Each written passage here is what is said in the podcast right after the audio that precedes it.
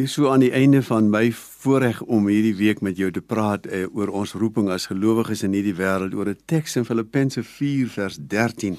Ek is tot alles in staat deur hom wat my krag gee. Ek dink jy sal met my saamstem dat daar aan baie min tekste in die Bybel is wat al so misbruik is soos hierdie teks. Kinders wat byvoorbeeld wiskunde gaan skryf en dan gebruik hulle hierdie teks. Ek sal deurkom want ek is tot alles in staat deur Christus wat my krag gee.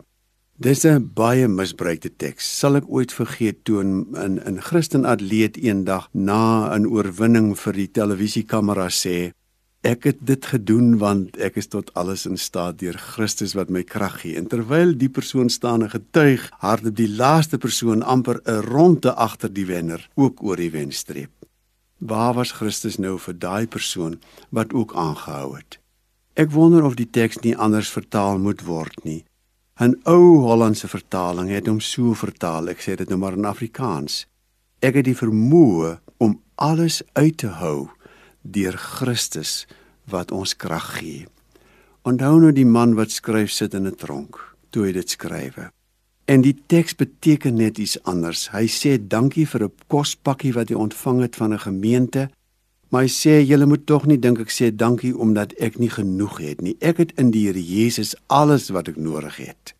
En ek het ook in hom die vermoë om alles uit te hou deur hom wat vir my krag gee. Dan maak die teks vir my sin.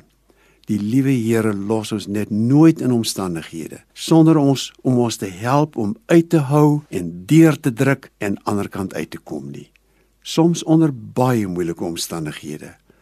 Ek kan my aan min moeiliker omstandighede indink as om as 'n apostel in 'n tronk gevang gehou te word terwyl jy wens jy kan die evangelie van Christus nog aan soveel ander mense verkondig. Maar bely Paulus, ek het die vermoë om alles uit te hou deur Christus wat my krag gee. Liewe Here, help ons om hieruit te lewe. Wat ook al ons omstandighede, moeilik of aangenaam. Leer ons uithou omdat ons agter Christus aan hardloop. Amen.